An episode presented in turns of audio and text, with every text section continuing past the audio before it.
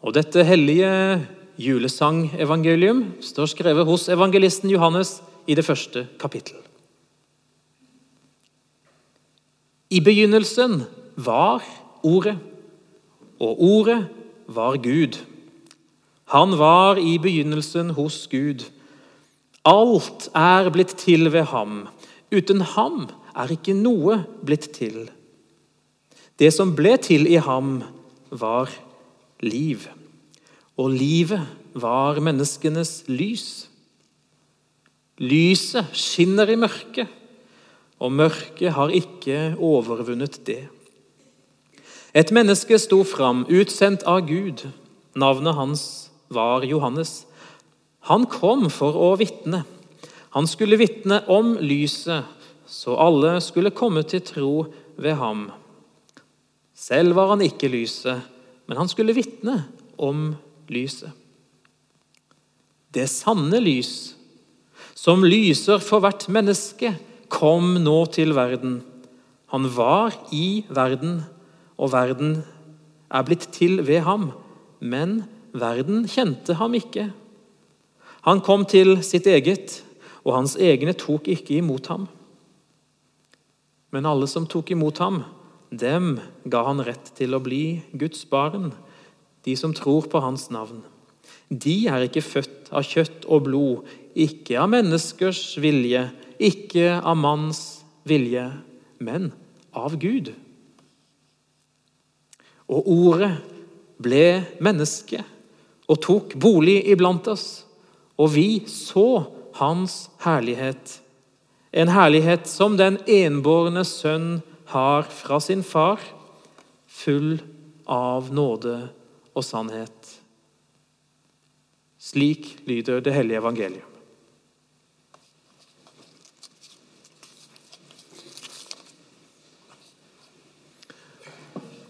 At denne julesangen skulle være festa til pergamentet mot slutten av det første århundret, ja, det har jeg noen ganger vanskelig for å begripe.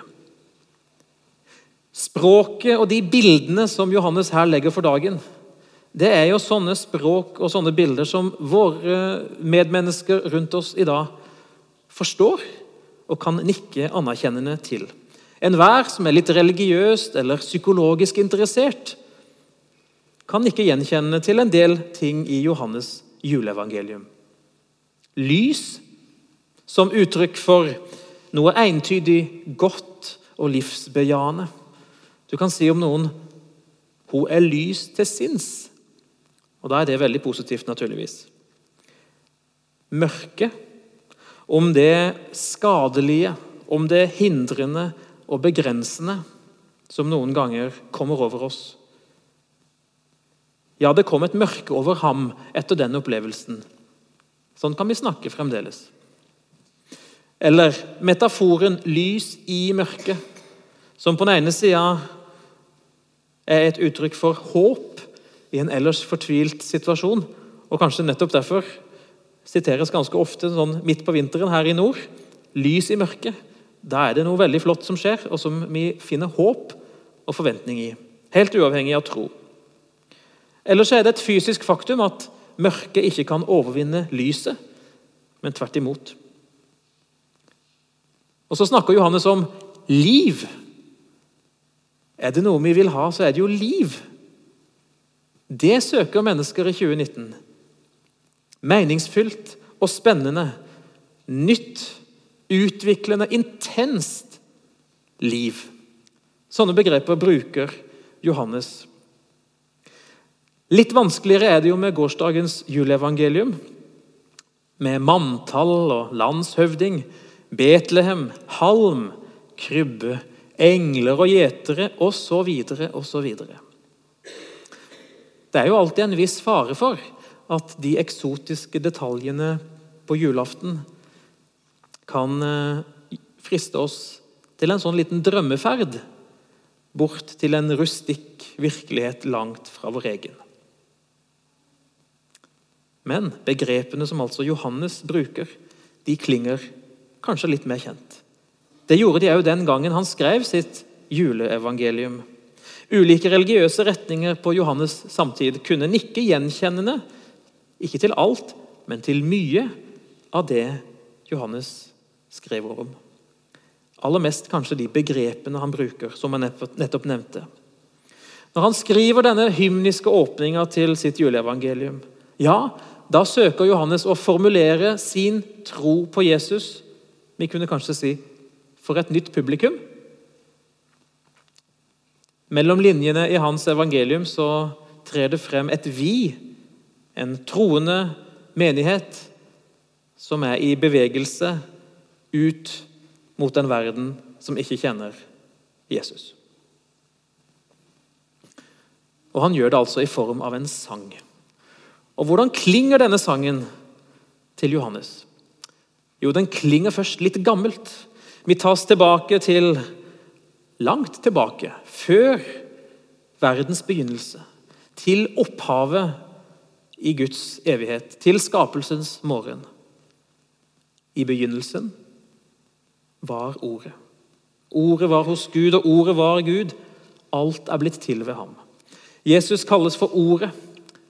Og Det er ikke ordet i hvilken som helst forstand, men det er Guds eget ord. Det som han skaper med. Det er virksomt, og det er kraftfullt. Dessuten så er Jesus Guds siste beskjed til oss. Vi hørte fra åpningen av Hebreabrevet. Mange ganger og på mange måter har Gud i tidligere tider talt til oss gjennom profetene. Men nå, i disse siste dager, har han talt til oss gjennom Sønnen. Og en sønn, ja, det er noe ganske mer, og ganske mer personlig enn en profet. Det han sier, sønnen altså, det må vi for all del ikke gå glipp av. Og Gud sier det sjøl.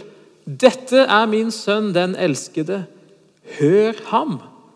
Sånn lyder det på Forklarelsens berg. Det kommer nemlig ingen ny melding fra Gud uten Ordet, uten Jesus. Guds planer for oss kan avleses på ham og av hans budskap. Alt er blitt til ved ham. Alt. Da er ingenting unntatt. Uten ham så var verken du eller meg til. Dermed er jo i en viss forstand alle mennesker hans, og bærer dypt i sitt indre en lengsel tilbake til opphavet. Vi er skapt ved ham, til ham. Det sier enormt mye om vår verdi selvfølgelig som mennesker. Gud tenker stort om det han har laga. Ingen trenger fra nå av å gå rundt og føle seg som et null. Du og jeg er en del av Guds skapertanke. Så kommer vi til den andre delen av Johannes' firedelte julesang. Dette ordet her går inn i tiden. Og Da er vi altså i den andre delen. Ordet kan plutselig høres og ses på gater og torg, i kapeller og katedraler. Der lyder altså Guds siste og helt avgjørende beskjed etter en lang rekke av profetier i den gamle pakt. Ordet skinner som lys i mørket. Ja, kan ord egentlig skinne, da? Jeg vet at et lys kan skinne, men kan ord skinne?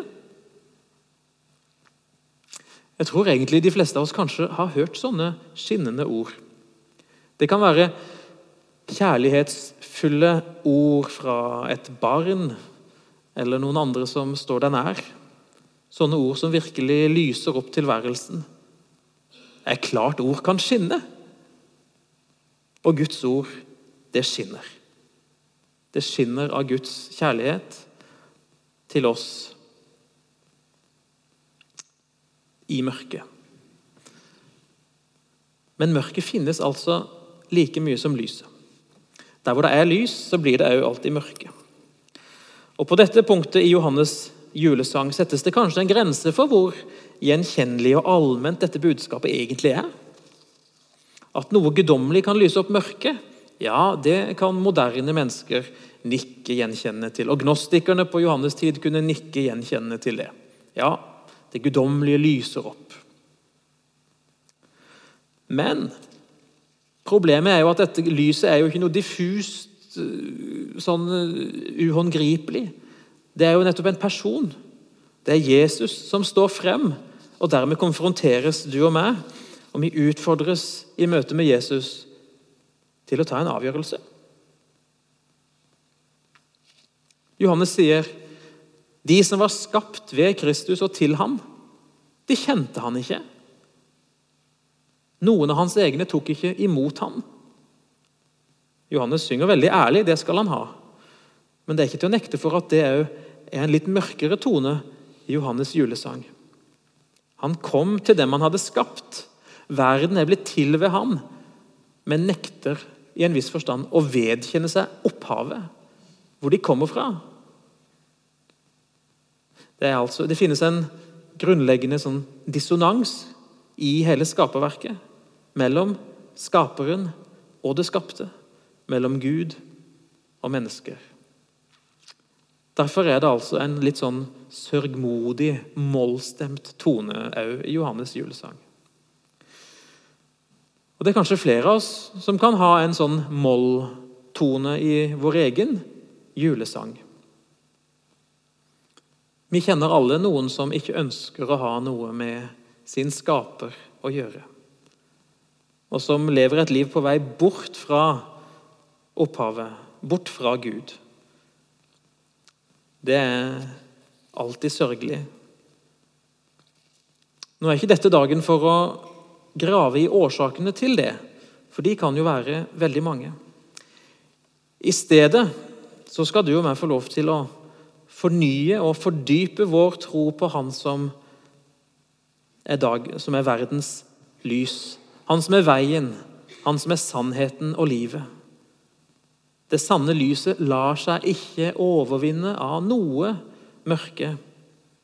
Det er et ganske dristig og trassig håp som Gud legger i fanget på deg i dag. Nåden fra Jesu ansikt, fra den tomme graven, kan ikke overvinnes av noe mørke. Uansett hvor ondskapsfullt eller avvisende det måtte fremstå. I tredje del av sangen da stiger tonen. Det klinger en lys melodi. Noen tok imot. Noen tar imot. Nå og i dag. Når lyset skinner i mørket, så finnes det jammen òg de som dras mot det. Men alle som tok imot ham, dem gav han rett til å bli Guds barn. De som tror på hans navn. Skapt ved ham for å være et gudsbarn. Hymnen til Johannes som vi har lest og snakker om nå, den starter i evigheten. Bortenfor oss et sted hvor vi ikke har oversikt. Men den lander bokstavelig talt på jorda. Og den styrer inn mot en, et eneste enkelt poeng. Retten til å bli Guds barn. Sånn har tanken alltid vært i Guds plan. Å ha oss mennesker som sine barn. I kvalifisert betydning, altså. Og i jula så vil han ha oss tilbake. Hva innebærer det å være Guds barn? Fire ting kan nevnes. Det innebærer å innse avhengigheten av vår skaper og frelser. For det andre så innebærer det å gi avkall på en slags sånn misforstått selvråderett som er helt frikobla fra Gud og hans vilje.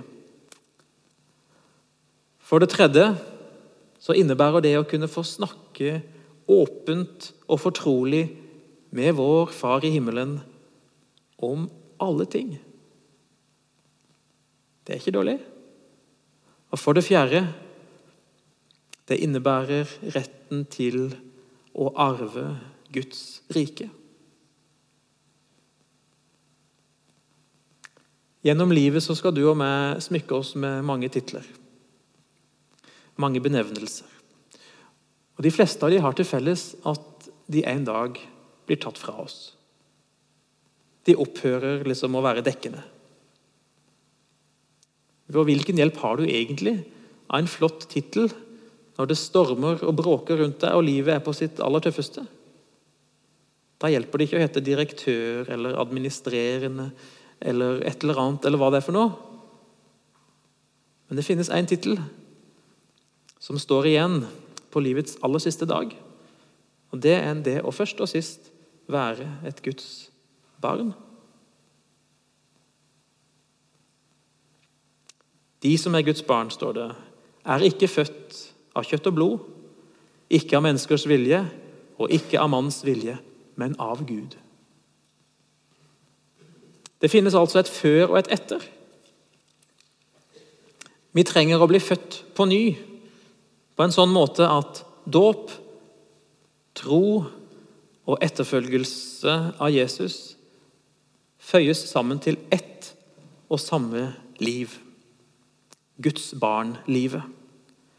Skapte han, født på ny, ført tilbake ett liv.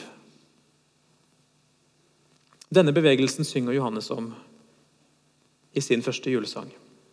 Fra å være et menneske på rømmen, bort fra Gud, fra å være en flyktning Har du tenkt på deg sjøl som flyktning noen gang?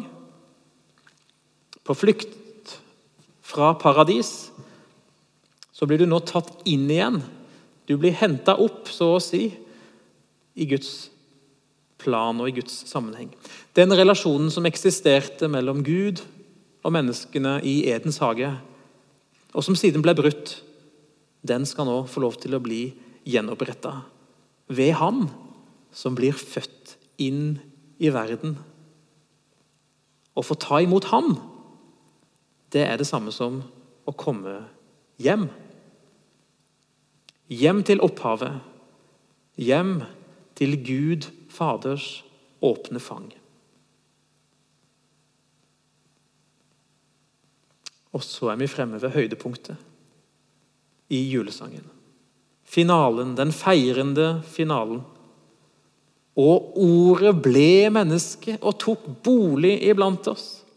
Og vi så hans herlighet, en herlighet som den enbårne sønn har fra sin far, full av nåde og sannhet. Til sist i julesangen så står det frem et vi. Og det vi-et det er den kristne kirke. Jesus gjør seg til ett med sin menighet til alle tider. Fra den første lille kretsen til dagens verdensvide kirke. Vi så hans herlighet. Det betyr ingenting annet enn å se hans guddommelighet.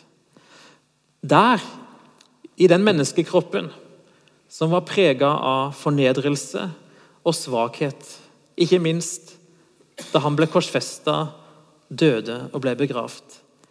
Nettopp der har alltid den kristne kirke, og ser forhåpentligvis fremdeles, Guds herlighet.